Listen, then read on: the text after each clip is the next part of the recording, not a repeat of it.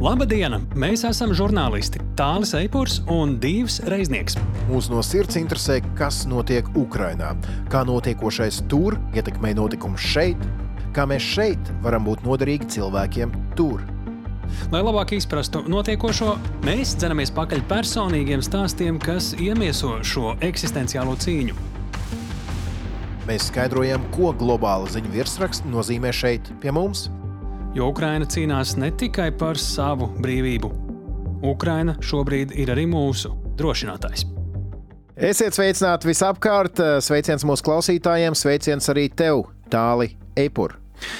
Sveiciens arī no manis visiem klausītājiem, tāpēc, ka mēs jau ar jums runājam. Tas, ko divs, nu es, nu, labi, divi tev arī sveiciens. Mēs uh, esam satikušies 31. raidierakstā podkāstā Drošinātājs epizodē. Sāksim mēs ar divu droši vien, jo viņam ir šīs epizodes smagais gals. Smagais gals tas nozīmē, klausītāji, tā nozīmē lielā intervija. Jā. Lielā intervija šoreiz būs ar nu, cilvēku, kurš visu laiku ir ceļā. Cilvēku, bez kura Ukraina nespētu noturēties tā, kā viņi ir spējuši noturēties šo jau vairāk kā gadu.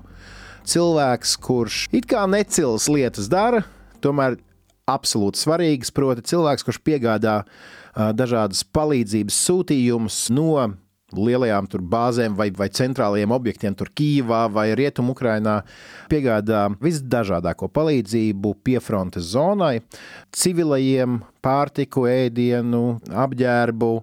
Un tā tālāk, tāpat arī armijas vienībām, sarūpētos, saziedotos dažādus, da jebko sākot no. Respektīvi, viņš vienas nezinu, dienas laikā redz gan mierīgo dzīvi Ukrajinā, gan izvairās no šāviņiem. Tieši tā, un viņš vēl vienlaicīgi viņš vēl pelna naudu. Pārdodot mēbeles. Līdz ar to, kā viņš teica, kopš kara sākuma viņam ir bijusi tieši viena brīvdiena, un to pašu viņš nogulējis pilnīgi visu, jo pirms tam 46 stundas viņš ir braucis. Tā nebija brīvdiena. jā. Līdz ar to, jā, mums būs šāda saruna, bet tas raidījuma otrajā daļā. Un mēs, protams, esam arī izmantojuši izdevību, kā katrā no šīm epizodēm, nu jau 31. reizi sazināties ar Kristīnu Bērziņu Vašingtonā.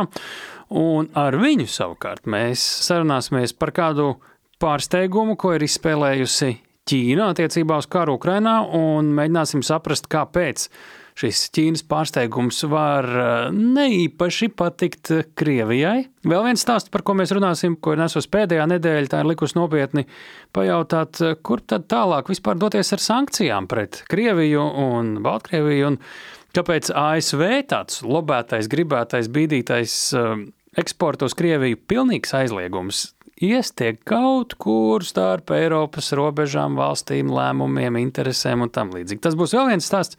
Tātad par lielajām lietām jūs tagad runāsiet. Jā, un būs vēl viena lielā lieta. Proti, mēs mēģināsim ieskatīties nevis tajā, kā varētu sākties, beigties Ukraiņas pretuzbrukums, kuru visi gaida, skatās laika prognozē. Ja? Mēs paskatīsimies, kas notiek pēc tam. Vienā vai otrā variantā, un precīzāk, kas notiek ar Ukraiņas partneru atbalstu. Un te ir gan bažīgas, gan optimistiskas notis, un tās tad Kristīna arī izspēlēs. Nu, klausāmies! Sveiki, Kristīna! Sveiki, Kristīna! Sveiki, sveiki! Un sāksim ar laikam to pārsteidzošo lietu. Pirmo reizi kopš Krievijas iebrukuma Ukrainā Ķīna balsojumā ANO attiecībā uz Krieviju nav vis piemēram, atturējusies, bet ir nobalsojusi par. Un par ko tad? Tajā rezolūcijā pieminēta Krievija kā agresoru valsts, nosodīta tās rīcība attiecībā uz kara sākšanu Ukrainā un tālākajām darbībām. Tāpat arī Krievijai pieprasīts kompensēt radītos zaudējumus, saukt pie atbildības vainīgos. Tas tā pavisam savādi skan, jo Ķīna taču mēs vēl paši runājām, nesen vēstīja par militārās sadarbības plāniem ar Krieviju. Kas šis ir? Tā ir tāda miglas pūšana vai vairāk izskatās pēc kāda reāla signāla? Vai pagaidām analītiķi par to vēl tikai čakli diskutē? Diskutē jau vienmēr, bet, ja skatās, pirmais jautājums, par ko bija rezolūcija? Mērķis bija veicināt tuvāku sadarbību starp ANO un Eiropas padomi. Tāpēc jāskatās, jā, Šis ir rezolūcija, kurā nosoda Krievijas uzbrukumu Ukrainā, bet tas ir drusku starp citu. Mērķis bija viens, tas ir par šo divpusēju sadarbību starp lielām starptautiskām organizācijām, kurā arī nosoda Krievijas uzbrukumu Ukrainā. Ja rezolūcija būtu bijusi tikai par karu, nu, tad es, piemēram, šaubos, vai Ķīna būtu balsojusi ar Eiropas valstīm un ar ASV, nosodot dotajā momentā Krieviju. Bet šī bija izdevība. Ķīnai nobalsot par kaut ko drusku citu, kurā starp citu arī var būt Ķīna var uzlikt spiedienu uz Krieviju. Un it kā arī palīdzēt vai izteikt nedaudz atbalstu Ukrainai. Un jāskatās, ka šis balsojums arī notika īsi pēc prezidenta Šī un Zelenska sarunas. Un ja līdz šim Ķīna ir vienīgi draudzējusies ar Krieviju, tad ir jautājums, vai Ķīna tagad cenšas iekustināt vairāk savu jau izteikto mērķi veicināt mieru starp Krieviju un Ukrainu, un tāpēc arī kaut kādu atbalstu izrādīt Ukraiņiem un Ukrainas pusē. Nu, ko tas nozīmē? Pirmais variants Ķīna sāk apdomāties, un varbūt atbalsts Ukrainai ir pareizākais ceļš. Tas pēc manām domām būtu vēl ļoti optimistiski, tāpēc ka jau līdz šim noteikti, un arī tagad vēl joprojām ļoti stiprā saikne starp Ķīnu un Krieviju turpinās. Es neteikšu, ka tagad pēkšņi ar vienu ANO balsojumu Ķīna ir pārmetusies Ukrainas pusē un viss. Labi, tas nav. Bet par ko tas varētu liecināt? Liecināt par to, ka Ķīna varbūt redz, ka tiešām Ķīnai būtu lielāka loma arī turpmāk pasaules skatuvē, ja tā veicinātu miera sarunas, un tad nozīmē, ka Ķīna nevar būt tikai Krievijas pusē šajā diskusijā. Un ja Ķīna nolem, ka Ķīnas interesēs ir būt drusku neitrālāk, nu, tas paliek arī izdevīgāk Ukrainai un varbūt arī izdevīgāk pārējām pasaules valstīm, jo tad nav tāds bloks starp divām ļoti bīstamām. Uh, militāri spēcīgām, autoritārām valstīm. Nu, labi, varbūt neutralitāte tur ir. Vēl trešais variants ir, ka ar šo balsojumu Ķīna kaut ko mēģina parādīt Krievijai. Kaut kā izrādīt savu varu, savu teikšanu Maskavai, lai gan ir bijušas augsta līmeņa vizītes, lai gan Ķīna jāatbalsta Krieviju, ka Krievija nevar pavisam paļauties uz Ķīnas atbalstu, ka Krievija tomēr ir mazākais, jaunākais brālis, švakākā puse šajās attiecībās, un ka nemaz atslābt Krievija nedrīkst par Ķīnas atbalstu. Nu tā, pavisam optimistiskais es šaubos. Otrais variants par varbūt augošu neutralitāti, īpaši, ja tā veicinātu Ķīnas globālās intereses, nu varbūt. Un trešais variants par to, ka šā izspēlējās kaut kāda divpusēja dinamika starp Pekinu un Maskavu, tur arī jāskatās, kā tālāk būs, jo varbūt Ķīna izrāda to, ka Ķīna nemaz nesakos un neatbalstīs Krieviju visos gadījumos, un varbūt Maskavā vajadzētu drusku noraustīties šad un tad. Tāpēc jāskatās uz iespēju B vai iespēju C. Labi, ir vēl viens temats, kurš caurvīja Krievijas iebrukumu Ukrainā un pasaules reakciju, proti turpinās spraigas debatas par sankcijām pret Krieviju, bet te viens tāds nu, vai pavērsiens vai samazglojums atkal ir sariesies, proti kā panākt, lai esošās sankcijas darbojas labāk ar mazākām iespējām tās apiet, Un varbūt, ja reiz joprojām iebrukums un karš turpinās, tās nepadarīt nu, teikt, līdz galam bargas. Nu, piemēram, ASV diskusijā ar Eiropas Savienību spiež uz tādu faktiski gandrīz vai pilnīgu eksporta apturēšanu uz Krieviju, lai Krievija nevar barot savu karu mašīnu, kamēr Eiropa, un starp citu izskatās arī Japāna, tam tā kā vairāk pretojas tik skarbam variantam. Vienlaiks eh, rietumi, ko dara tā vietā, viņi ar vien vairāk domā, kā tad panākt, ka daudz labāk darbotos tās sankcijas, kuras jau ir noteiktas. Piemēram, tur kādām trešajām valstīm, caur kurām liela daļa cenšas apiet tās sankcijas. Jā, sankciju ir daudz, bet karš turpinās. Protams, sankcijām ir iedarbība, bet pirmajā gadā sankcijas nav apturējušas Krievijas kara mašīnu. Ja pirmajā gadā mēs skatījāmies, kā tā turpinās, ir vairāk veidi, kā sankcijas tiek apietas. Un pirmais jautājums, cik ļoti uzmanīgi katra Eiropas valsts, piemēram, un citas valstis, kuras ieviesušas sankcijas, cik ļoti tās arī pieskata un pārbauda, vai sankcijas arī tiek ievērotas un aptur to, ko nedrīkst sūtīt uz Krieviju. Tas ir viens jautājums, un tas ir arī iekšējo resursu jautājums. Vai tagad ievieš sankcijas arī atvēlē pie nepieciešamos resursus, lai varētu izsakot un ieviest pa īstam nevis tikai uz papīra tās sankcijas. Un varbūt tajās valstīs, kur nebija tik milzīgi liela vēlme piekrist, varbūt uz papīra ir, bet praktiski nav. Otrs jautājums, kurš ir svarīgs, ir par tām trešajām valstīm, piemēram, Kazahstānā, jo caur Kazahstānu ir iespējams Krievijai iegūt nepieciešamus resursus. Un mēs skatāmies, ka daudzu valstu, kuras ir ieviesušas sankcijas pret Krieviju, eksports uz Kazahstānu ir aizdomīgi daudz pieaudzis. Jā, un uz Vidusāziju tagad, piemēram, es esmu dzirdējusi, ka mājas elektronisko ierīču eksporti ir ļoti cēlušies.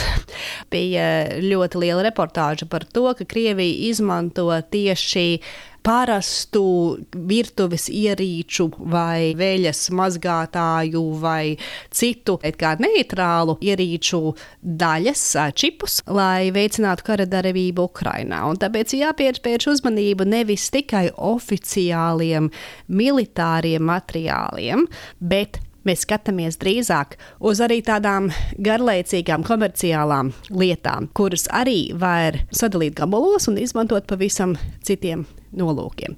Tāpēc varbūt ir lielāks spiediens uz tām komerclietām, lai tās apturētu. Pirmkārt, vai tās drīkst eksportēt, jā vai nē, uz Krieviju. Un varbūt jāpaskatās uz to otrreiz, un ja nedrīkst, bet tās drīkst eksportēt uz Vidusāziju, un no Vidusāzijas pēc tam ļoti viegli to var dabūt Krievijā, nu, tad arī jāskatās uz trešo valstu dalību un lomu Un tur atkal varbūt ir šobrīd milzīga izdevība Eiropas valstīm e, izrādīt lielāku interesi par Vidusāziju. Ja Vidusāzija agrāk tiešām bija Krievijas kabatā, tad šobrīd varbūt Vidusāzija domā, ka nu, ir iespēja arī šajā momentā uzlabot attiecības ar Eiropu, varbūt piekrist tam, ka barot Krieviju šajā brīdī nav visgudrākā doma. Un tāpēc piestrādāt tieši diplomātiskajos kanālos, un arī tomēr paskatīties, vai aizliegumi attiecās uz visām precēm, kuras tiešām nevajadzētu aizsūtīt uz Krieviju. Bet vai šobrīd, tā kā nu, jau runājām, ka Vašingtona cenšas vispārēji aizliegt jebkādus eksportus uz Krieviju, laikam izņemot lauksaimniecības materiālus un medicīnas preces. Ar diviem izņēmumiem visu pārējo Uz to es šaubos, vai Eiropa parakstītos un varētu arī daudz tālāk tikt. Pirmkārt, sakārtojot pašmāju sistēmas, un otra lieta ir paskatoties varbūt uz tādām garlaicīgām mājas precēm, kuras ja, īstenībā var palīdzēt radīt gudrus ieročus vai sistēmas. Un tur gan varbūt tomēr būtu vērts pacīnīties tālāk par jaunu sankciju paketi. Nu, tad mums ir vēl viens temats. Te runa ir par, kā jau mēs pieminējām, karš ir ļoti ieildzis, un viena lieta, kuru visi ļoti gaida, cerēja jau uz aprīli vai līdzīgi, tagad jau tūdaļ māja vidus, Ukraiņas pretuzbrukums. Bet mēs te Tagad divi tā neizdomāsim. Nekad tas sāksies, ne pa kurieni Ukrāņi izvēlēsies, ne kā viņi izvēlēsies to triecienu dot.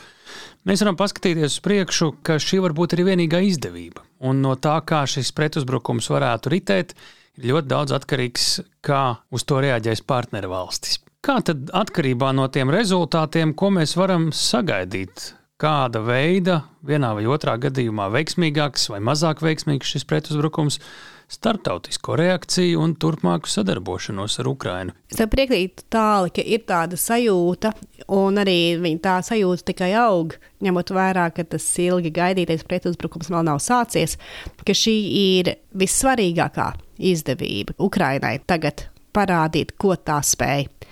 Un, ja neizdodas pretuzbrukums, tad varētu zust motivācija tik lielā mērā kā līdz šim tālāk atbalstīt Ukrainu, jo tomēr tam ir sava cena īpaši arī vietējā politikā. Tāpēc, ka atbalstīt Ukrainu, jā, protams, tas ir labi, bet cik ilgi un par kādu cenu? Un pavisam atmest atbalstu, ja, piemēram, kristu vai kaut kā izgāstos pretuzbrukums. Es šaubos, jo nebūtu tā kā pavisam, jo tomēr solījumi ir uz līdz galam, ka, protams, atbalstīs. Un atbalstīs arī, bet jautājums ir, cik ļoti atbalstīs. Un līdz šim, kas ir nostrādājis Ukraiņas labā, ir veiksmes. Veiksmes kara laukā, to rezultātā ir bijis lielāks militārais atbalsts. Varētu domāt, ka būtu būt kā jābūt otrādāk. Ja kādam vajag palīdzību, jo vairāk nepieciešama palīdzība, jo, kā, jo sliktāk iet, jo vairāk jādod. Bet kaut kā tieši otrādi ir bijis. Jo labāk mazai Ukrainai iet kara laukā, jo vairāk lielvalstis cenšas dot, tāpēc ka paskatieties, viņi labi to izmanto. Un, ja sliktāk, nu tad, nu tad varbūt nebija nemaz vērts tik ļoti arī ieguldīt tajā Ukrajinā. Cik reālas ir tās bažas par to, ka tiešām varētu būtiski sarukt tas atbalsts? Vai tās ir tādas runas, lai kaut kā kaut ko mobilizētu tagad, vai tiešām ir reāls pazīmes, ka tā arī varētu būt, vai vienkārši reāli fakti, ka nemaz nav resursu, lai atkal kaut kā ļoti radikāli palīdzētu? Nav runas vien, jo nav tā, ka tagad šausmīgi saruks, teiksim tā no, no vienas dienas uz otru, ka pēkšņi būs no miljardiem liela atbalsta līdz nulei. Bet vai var sākt tagad pakāpeniski pēc tam samazināt atbalstu? Ja skatīsies uz summām, kādas tiek veltītas Ukrainai, vai tās nesāk tad nedaudz kristies? Ja Ukraina iegūs tikai kaut ko nedaudz un iestrēgst, tad varbūt palīdzības summas par lidmašīnām vai tankiem un citām lietām, nu, ja iepriekšējais pretuzbrukums nestrādāja, kāpēc strādājas nākošais?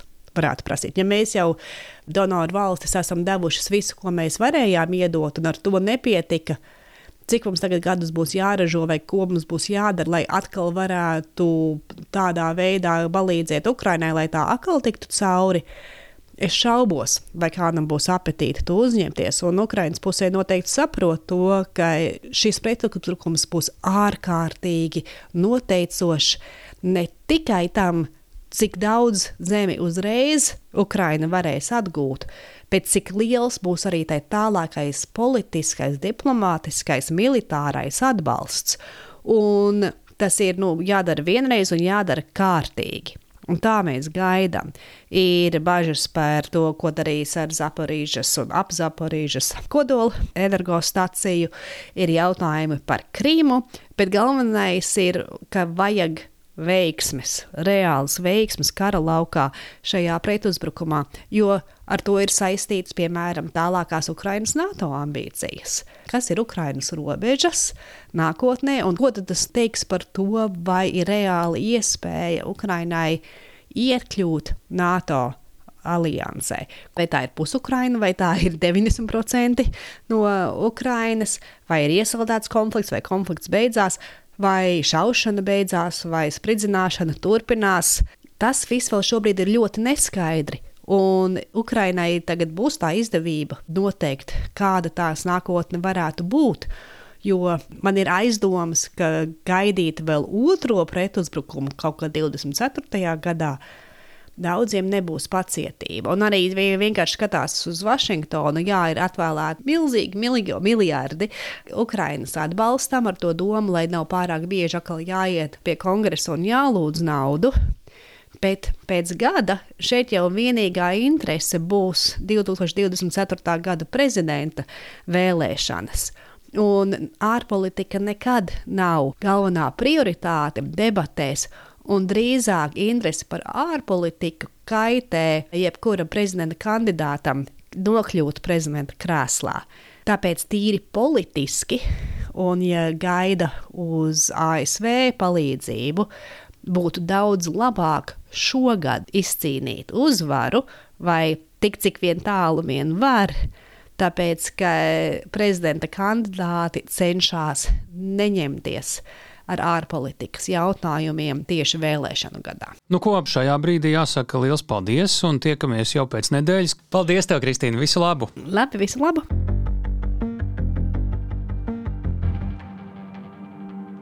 Paldies, Kristīne, paldies, Tāli.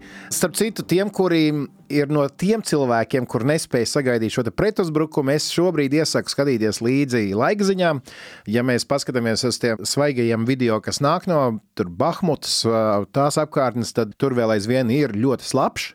Un ļoti slapjš nozīmē ļoti neizdevīgs lielajai bruņu tehnikai. Ukrāņi Toms Brīsīs saka, ka varētu būt zeme tāda izbraucama apmēram sākot no kādas maija trešās nedēļas. Bet, nu, tur, protams, jāskatās. Ukrāņu Tomi Bričenko ir droši vien. Jā. Tomi Bričenko, jā. Tā ir viena lieta. Otra lieta tāli. Dzirdēju, esot kaut kādi droni uz Kremļa uzkrituši virsū. Es par naftas bāzēm te dzirdēju. Par naftas, nē, nu, kā vēl jau mēs esam dzirdējuši par, par to, kā dzelzceļa līnijas tiek spridzināts. Pīpēšanas nepareizajās vietās, kā to saka. Tās ir biežāk šobrīd. Tās ir, tās ir jā, ar jaunu joni uzjundušas. Braucot pa Krimas tiltu, dūmi ir redzami. Jā, jā, starp citu, tā gan pagājušās nedēļas ziņa, bet pēc tiem pirmajiem atkal lielajiem sprādzieniem Krimā. Atkal Krimas tilts vai Kerčs tilts, vai vienalga, kā viņu saukt, Krievijas virzienā jau ar sastrēgumiem pilns bija. Nu, jā, tur arī bija brīdinājums Krimas iedzīvotājiem, ka viņiem, viņus aicina neusturēties militāru vai strateģisku vai līdzīgu objektu tuvumā. Redz tā, ka ja mēs paskatāmies uz to avio triecienu vai jebkādu triecienu vai nepareizas pīpēšanas gadījumiem Krievijas teritorijā, tad tie tiešām ir saistīti ar šiem strateģiskiem objektiem. Savukārt, tad, kad Kremlis palaiž raķetes un, es nezinu, tur savos sociālos tīklos ieraksta to tieši mērķi, mēs neredzam, ka tur būtu iznīcināts kāds Ukraiņas militārais objekts. Mēs, diemžēl, redzam atkal saspridzināts mājas un civilos cietušos. Un tā jāsaka tā, ka mēs redzam šīs civiliedzīvotāju upurus un bojājumus, bet tā pašā laikā es domāju, ka Ukraiņi arī nevienmēr izstāsta par visiem objektiem, kuri ir sabumboti. Paši arī neliek tīklos. Es domāju, šī kara laikā to ir iemācījušies ļoti labi. Bet mēs tagad runājam par tām lielajām strateģiskajām vai vismaz taktiskajām lietām, bet ir mazie gariņi, uz kuriem tas viss balstās Ukrajinā. Ļoti svarīgi gariņi, kuri paši brīvprātīgie vai vēl citādās versijās eh, iznes ļoti, ļoti lielu daļu šī kara smaguma. Jā, zini, tas ir, es nezinu, ja mēs ieejam mežā, tev ļoti patīk mežs, es zinu, mēs redzam tur, es nezinu, lāci, briedī vai vilku, nu labi, tos pirmo un trešo mēs mazāk droši vien redzam, bet nu, kādu briedi redzam. Mēs redzam tos lielos spēlētājus šajā ekosistēmā.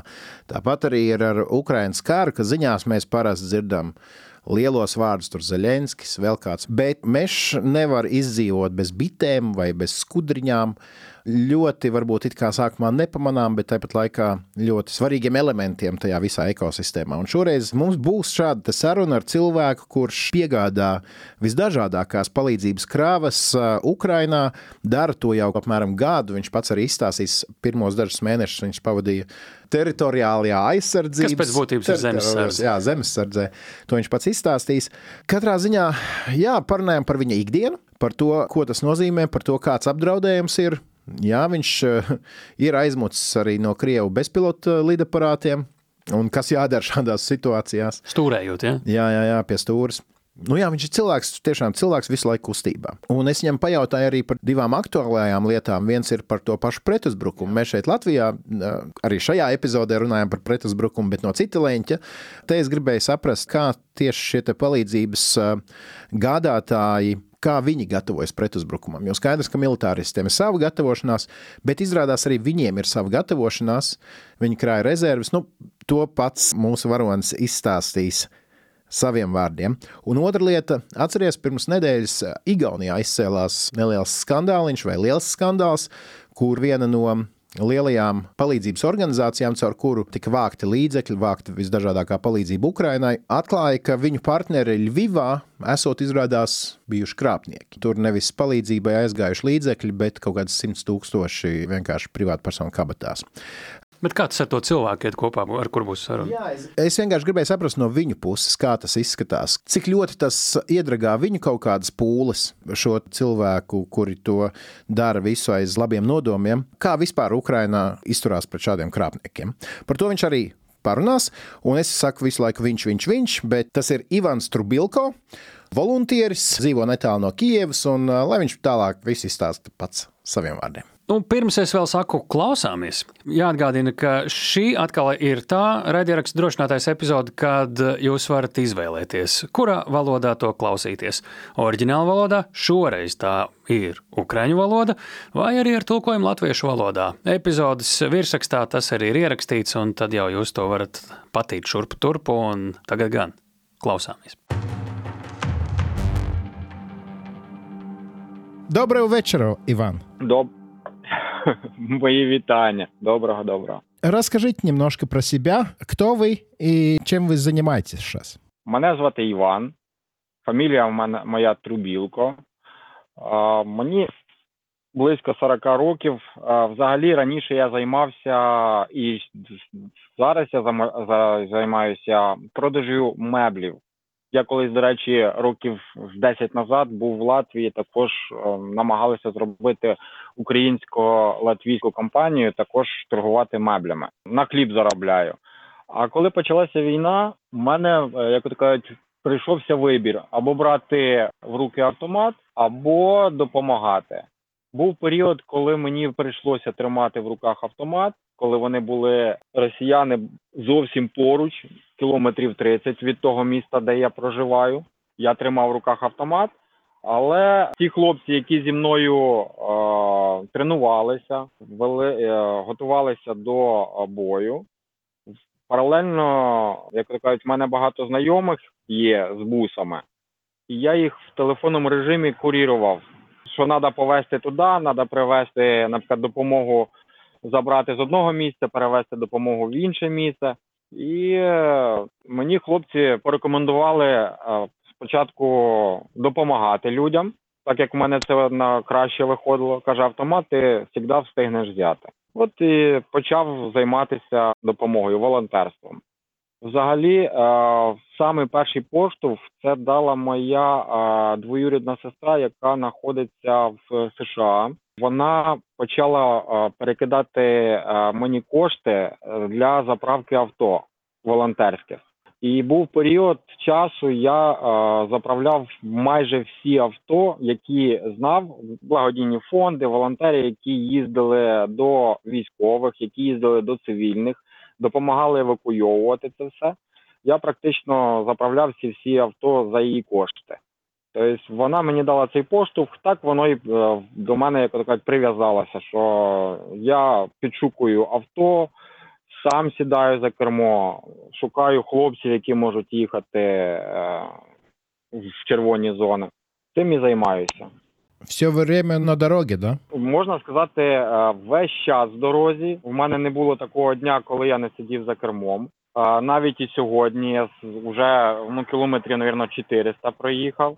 Але правда, я е, крутився в Київ, поїхав. Потім оце е, завіз е, в мене мого товариша, е, колегу по моїй роботі забирають в армію. Прийшла повістка, його забирають. Я його сьогодні відвіз, він завтра вже буде служити. А это что-то э, такое, что вам всегда надо вспоминать, что любой момент э, вас тоже можно позвать э, в ЗСУ, правильно? Так, да, да, звичайно. звичайно. Да, да, звісно. Тут я не відмовляюся від того, ну, мене поки ще не визивали. У мене, е, коли я служив ще в молодості, коли всі проходять строкову службу, я отримав травму доволі серйозно. І мене з армії комісували.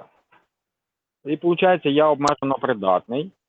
Ну, мене можуть взяти в армію, ну вже в останню чергу.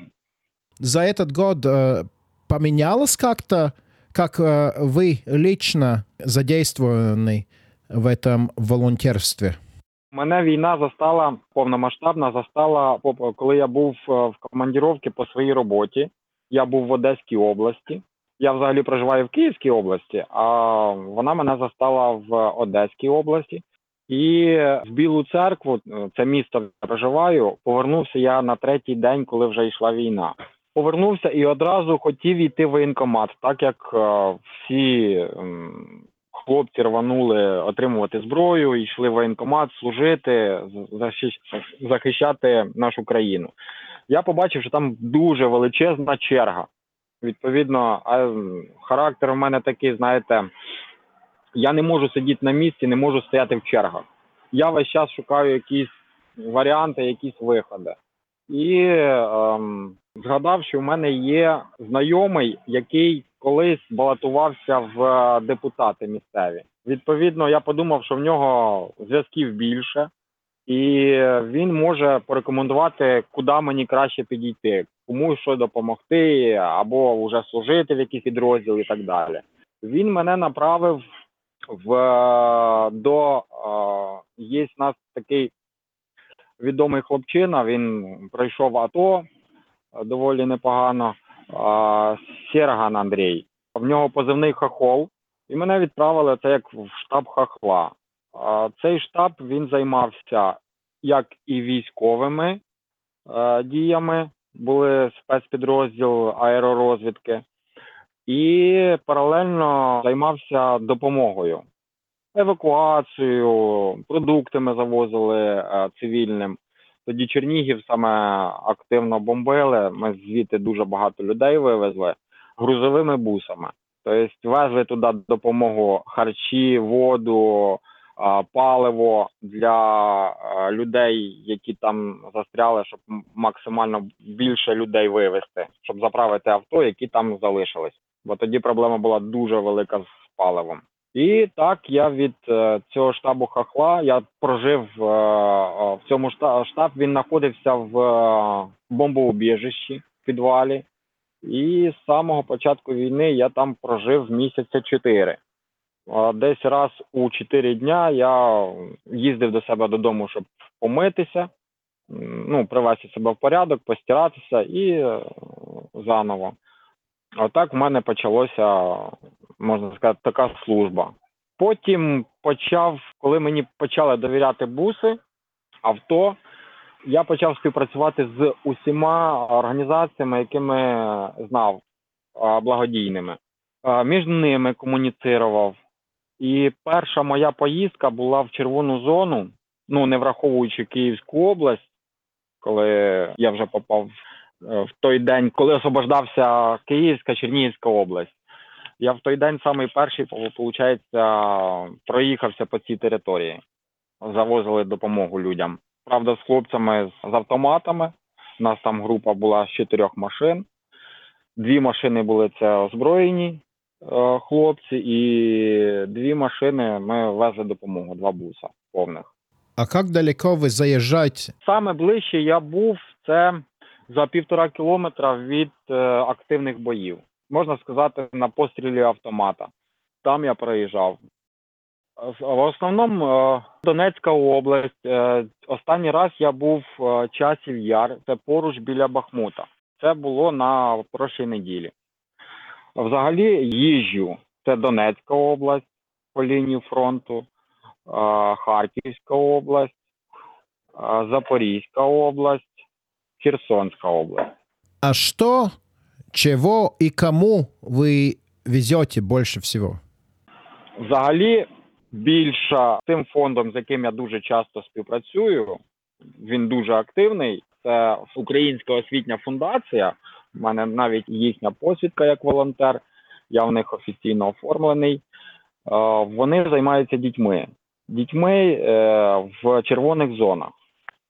Тобто вони е, останні, е, останнім часом почали пробувати ще й евакуйовувати людей, купляють їм будинки або знімають їм будинки, е, людей з дітьми, тобто сім'ї з дітьми, там де є багато дітей.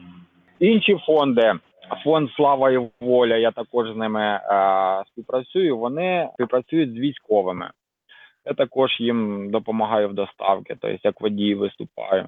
Є е, громадські організації, клуб, бойовий клуб Дайтан. Вони працюють з цивільними і з військовими. Ми завозимо харчові продукти для цивільного населення. Це в гарячих точках в червоній зоні, і відповідно е, до військових, в кого якісь є запити. Наприклад, там завести, якщо люди зібрали на дрон, ми купили або зібрали там на тепловізор, генератор, ну такі мелочі, які для військових потрібні. Буває таке форму привозом, життя. Так получается, что вот, например, э, кто-то посылает там деньги или вещи или чего-либо еще в Украину, в какой-то фонд, и тогда фонд э, зовет вас, чтобы вы реально вот повезли вот эти вещи до этих людей, которым это все нужно, правильно? Да, да, да. Ну, виходить, як вони до мене звертаються за рахунок того, що в мене є вже дуже хороший опит в поїздках в червону зону, і е, їм легше із за того, що я одалжую, позичаю чи прошу в знайомих бусти для того, щоб це все доставити. Не у всіх фондів є свій транспорт для того, щоб це все доставляти. Вони зі мною домовляються на якийсь определений дату і вже під мене підстраюються. Тобто ем, я бувало таке, що за одну неділю у мене було три поїздки в червону зону. Я приїж... їхав, повертався з червоної зони, пересідав на інший бус, який вже був загружений, і відповідно знову їхав. Ага. А, Ну так, в середньому я один раз в тиждень а, в червоній зоні. Як не в Донецкій, то в Харківській, то в Херсонській області. Извиняюсь за такой банальный вопрос, который, наверное, только иностранец может задать, но не страшно вам? Мені вже не страшно. Спочатку було дуже страшно. Почему? Воно привикається. Ну я за життя, звичайно, я переживаю, боюсь, але немає того уже страху, який був на початку війни. Звичайно, страх е, якийсь є, особливо коли попадаєш під обстріл. В той момент дуже страшно. Було таке? Під обстріл, да, звичайно, я попадав вже неоднократно. Я і вже тікали від БПЛА від Орлана російського. Таке в мене вже було два два рази. Попадав під гради, коли градами обстрілювали. А що в такій ситуації ти можеш робити? Що саме головне? Концентрація, щоб можна було сконцентруватись е, на тому, що я веду машину, а не розгубитися і вискочити з машини і тікати. Я просто нажимаю на гашетку і їду максимально швидко. І все. Слава Богу, за цей період е, один раз, правда, одного буса осколками посікло.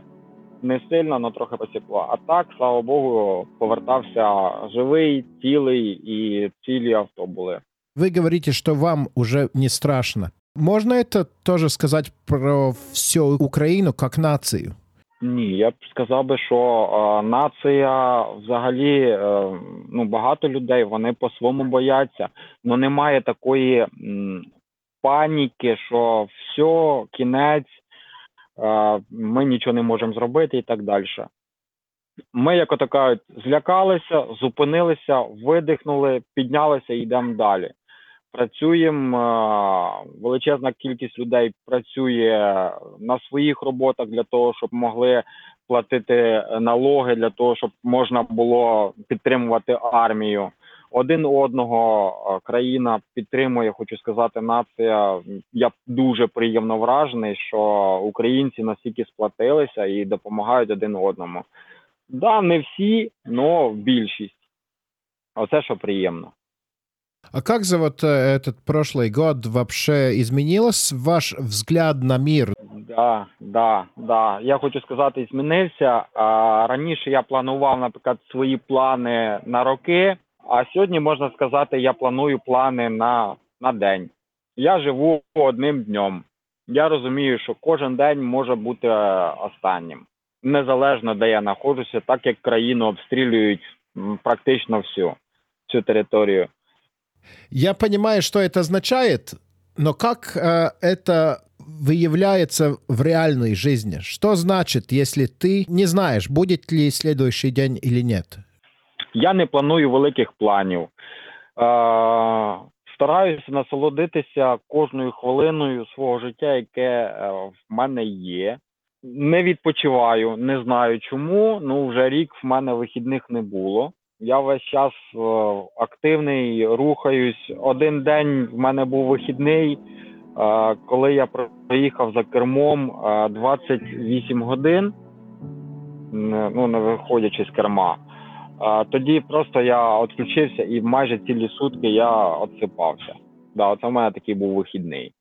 Да. А взагалі, щодня я прокидаюся, і щодня я намагаюся щось зробити корисне як не в одному фонді допомогти, так в іншому, або люди, які позвонили, які просять допомоги, також сам підшуковую цю допомогу і доставляю. Ну і стараюся, звичайно, заробляти кошти. В мене є і своя робота. Вот я хотел спросить, если все время помогаешь, ну, надо кушать, Если волонтер тогда платит, не платит какие-то деньги, как вообще? За волонтерство я не отримав жодної копійки. У мене є своя робота, я заробляю. На ній не, не скажу, що великі кошти, але на прожиття, наприклад, хватає. Е, я навіть частину своїх коштів віддаю на заправку. Бо коли, наприклад, е, їду в поїздку, не завжди є повна сума для того, щоб заправитися, доїхати туди і назад. Через що інколи викидаємо збори в Україні, ну що по знайомим, не завжди набирається сума. Одна поїздка обходиться близько 12-14 тисяч гривень. Це, якщо не ошибаюся, перекласти на євро, це 350 євро. Це одна в мене поїздка обходиться. Только там на бензин, да? Так, це тільки на паливо, не враховуючи те, що там ще бажано б якогось хот-дога з'їсти, перекусити, щоб не бути голодним. Можливо, десь навіть і переночувати. Ну, частину відсотків десь 30 до 40 відсотків свого заробітку я віддаю в цей в цих поїздках на паливо. З Латвії мені допомагають дві людини. Вони мені е, це Інгріда, фамілії не скажу. Це ваша колега, журналіст. Вона мені періодично трошки скидає кошти, які йдуть на паливо. Це дуже приємно і мені легше. І Ерік, він живе в Рігі. Фамілії також не не пам'ятаю. Ми коли з ним був, були е, колегами по мебілі, коли я в Латвії був. У мене виходить, мій колега по моїй роботі він формує доставку машину. У мене є ще е, п'ятитонна машина своя, яку я заробляю.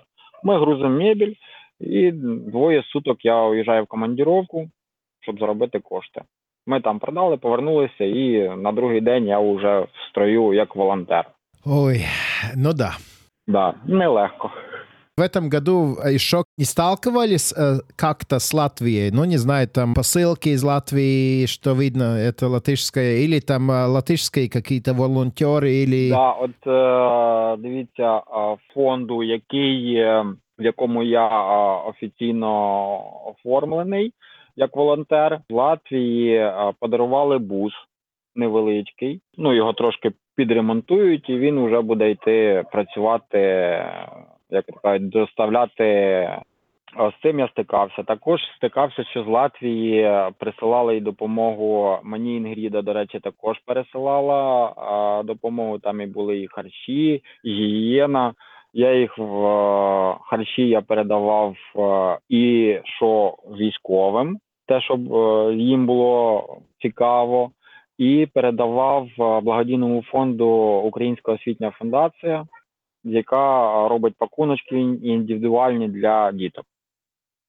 А з цим я стикався. Латвія допомагає дуже хорошо. Дякую величезне всій країні, всім людям, які допомагають.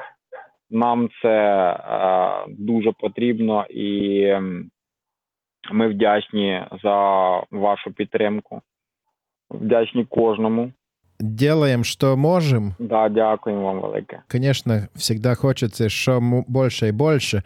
Но я хотел спросить, э, на, на прошлой неделе э, в Эстонии разгорался один большой скандал, когда оказалось, что одна из этих больших э, организаций, через которую помогает Украине, там в Львиве оказались какие-то мошенники, которые э, украли деньги, которые эстонцы послали Украине. Какой взгляд на такие вещи от украинских волонтеров? Ну, есть такая проблема, что кто-то как-то взял деньги или взял какую-то помощь, и она не оказалась там, где она нужна.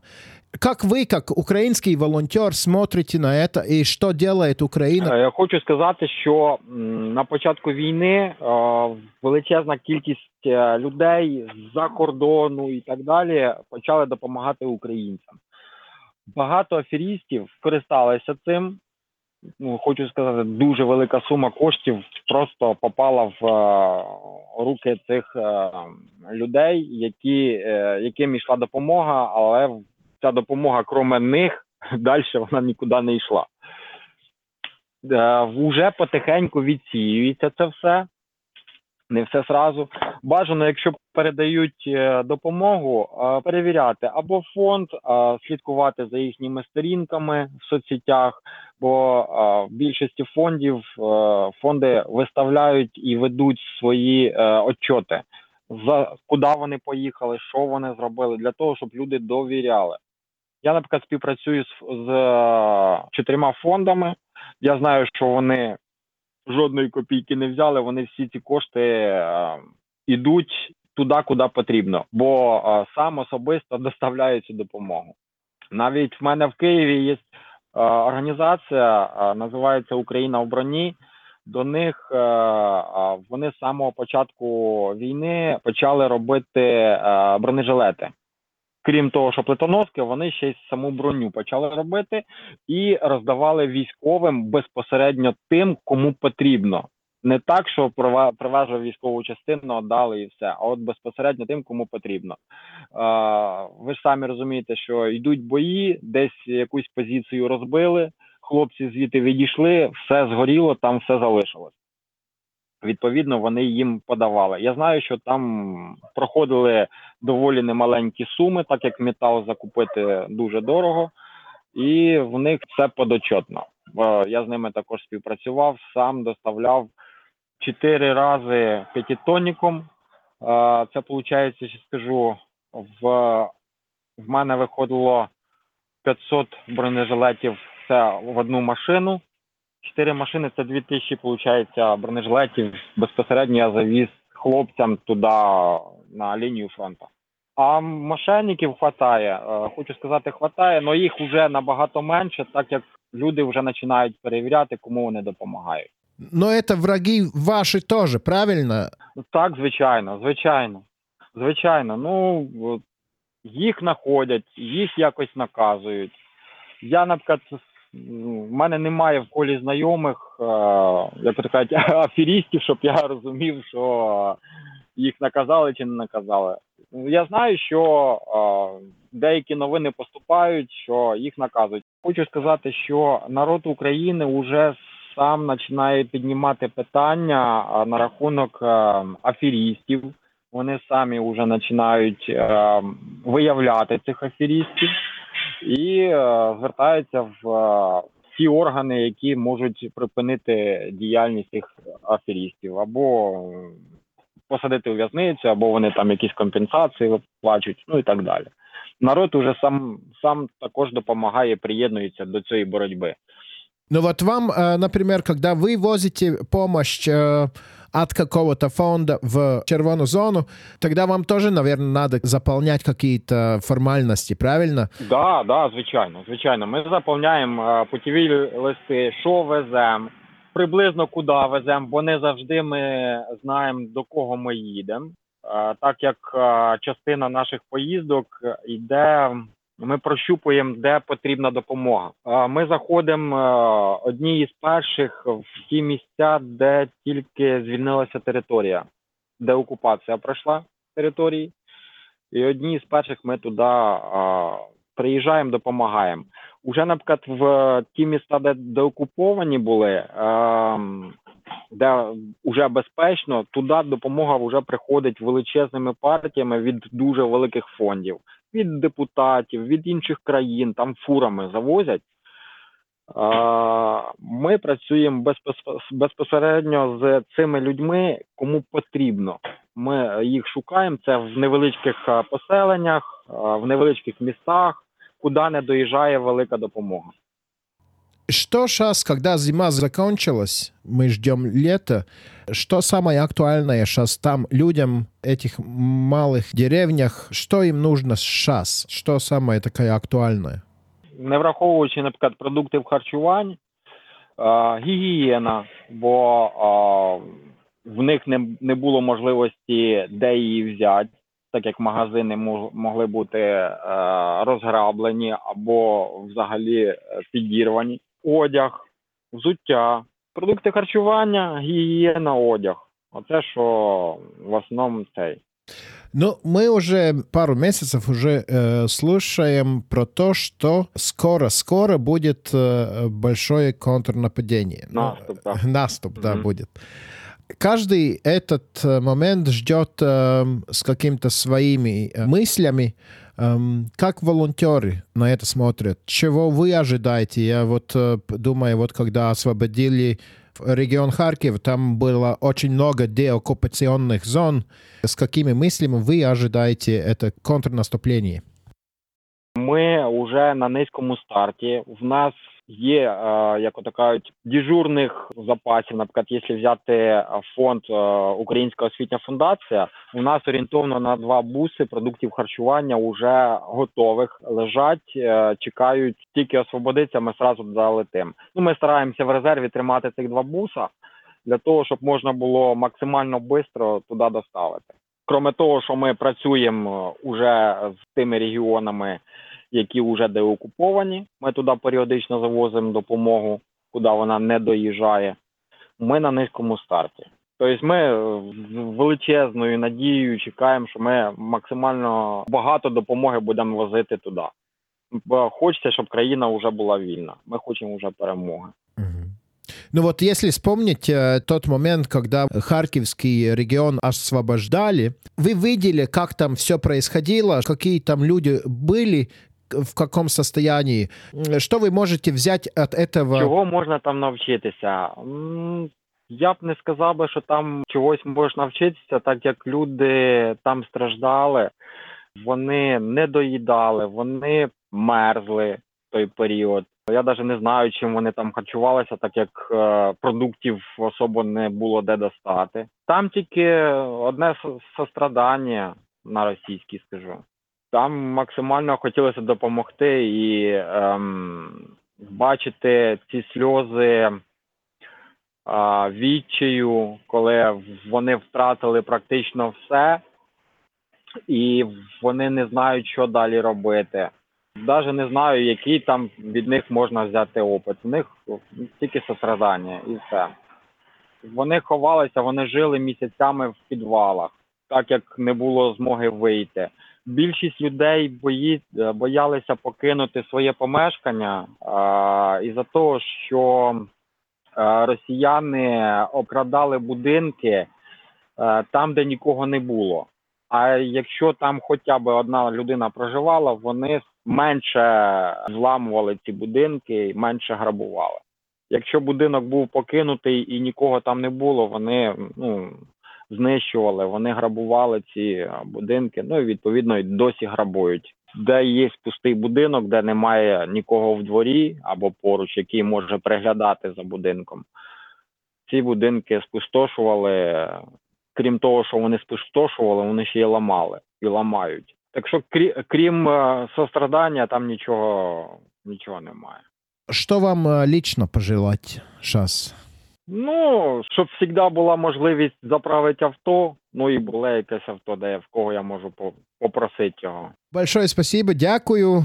Це вам дякую. Дякую вам за допомогу і за підтримку. Це вашій країні, всім людям, які допомагають. Величезна вам вдячність. Ми щиро вдячні кожному.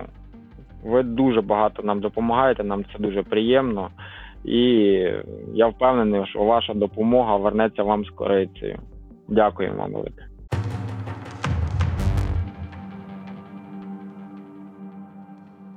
Paldies Dievam Reizniekam, paldies Ivanam Trubilko. Mēs uh, redzam to milzīgo darbu, ko izdara lielie mazie Ukraiņas cilvēki, kuri katrs ir iedavuši neatsveramu ar tavu ļoti daudz no viņiem tajā, lai tas karš tiešām notiktu tik sekmīgi, kā tas ir noticis līdz šim. Es apzināti saku sekmīgi, jo Ukraina joprojām ir ciņā. Tieši tā, svarīgi ir, man liekas, tas, ka katrs atrod to savu pareizo vietu. Jo ne katrs ir radīts tur karošanai, ne katrs ir radīts, lai brauktu 24 stundas diennaktī pie stūres. Un tad, kad tu atrod to savu īsto vietu, tad acīm redzam arī notiek lietas. Bet, lai šīs lietas varētu notikt veiksmīgi arī turpmāk, es parunājos arī vēl ārpus intervijas ar Ivanu vai Vaņu, kā viņi arī sauc, līdzekļi, kas ir vajadzīgi degvielai kaut vai kā mēs dzirdējām, ja viņš brauc vismaz reizi nedēļā, tie 350 eiro vismaz. Tā situācija ir tāda, ka kaut kad ir tā nauda, kaut kad nav tā nauda. Atkarīgs no tiem arī fondiem, ar kuriem viņš sadarbojas. Busus viņš arī aizņemās. Viņš saka, nu, tā, ja brauc uz piefrontes zonu, tad vienmēr viņam kāds aizdod tos busus. Un Nu, es nezinu, es viņam jau ieteicu ar Twitter konvoju sazināties. Varbūt kāda mašīna no Latvijas varētu nonākt pie viņa. Vai arī, ja jums šķita šis svarīgi, ko dara Ivans, tad jūs viņam arī varat nosūtīt kādu kapeiku benzīnam. Nu, tad ir jāizstāsta, kā. Tie, kuri zina, kas ir PayPal, tad viņa PayPal adrese ir sasniedzams ar, ar e-pasta adresi hermes.trubilko at gmail.com. Facebookā ir, varat arī rakstīt Ivan Trubilko un atradīsiet. Viņš ir puisis ar kazaku tādu klasisko sasuku, tā kā nesajauksiet. Facebookā ļoti daudz fotografijas redzams. TikTokā viņš liek savukārt daudz video. Tur viņi var atrast pavisam vienkārši Trubik 17 ir viņa niks. Tas ir tas, ko viņš arī intervijā teica, ka ir ļoti svarīgi lai ir šīs atskaites. Tāpēc arī ir šīs daudzās fotogrāfijas, šie daudzie video. Tas nav, lai viņš tur gozētos, ka, o, oh, rekurors šeit vai rekurors tur. Tas ir atskaites principā. Lai visi redz, kur ir aizgājis viņa palīdzība, ļoti principiāli visticamāk. Un, Tieši jebkurā tā. gadījumā atskaites vai neatskaites, bet uh, pavisam noteikti vizuāli jūs noteikti jau drīz pēc epizodes iznākšanas uh, varēsiet LSMLV redzēt lielu daļu no šīm bildēm. Tur jau divreiznieku rūpīgā atlase. Jā, jā, jā. Šoreiz tiešām Ivans arī bija ļoti atsaucīgs, sasūtīja ļoti daudz bildes. Tās mēs ieliksim LSMLV. Lasiet tur, redzat, tur. Es mēģināšu ielikt arī tur šos te kontakts, kā ar Ivanu sazināties. Ja jūs nedzirdējāt, vai ja man ir slikta dikcija un es nemāku kārtīgi izrunāt vārdus, tad varat rakstīt arī uz drošinātājs ēt Latvijas Rādio LV. Mēs jums palīdzēsim sakontaktēties ar Vaņu.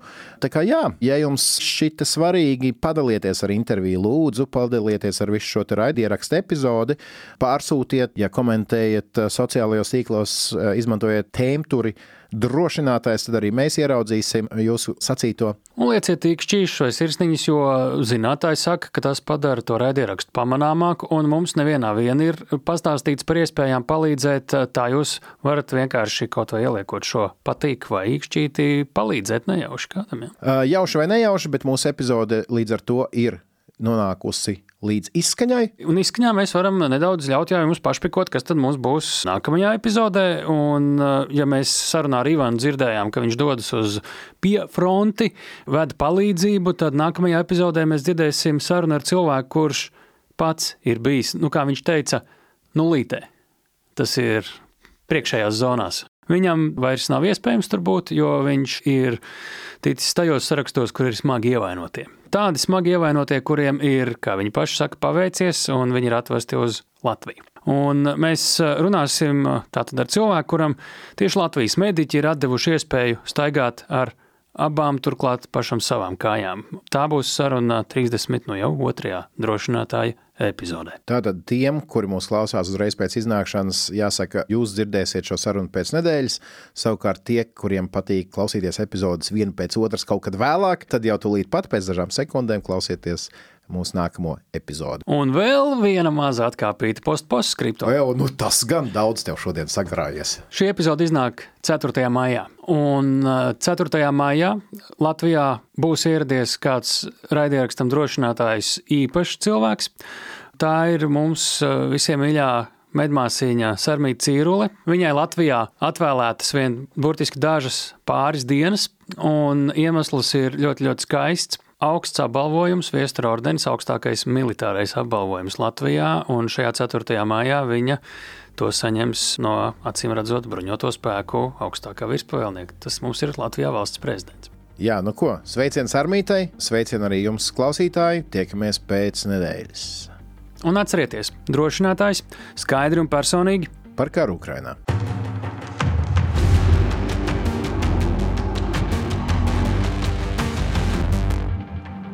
Raidieraksts drošinātājs.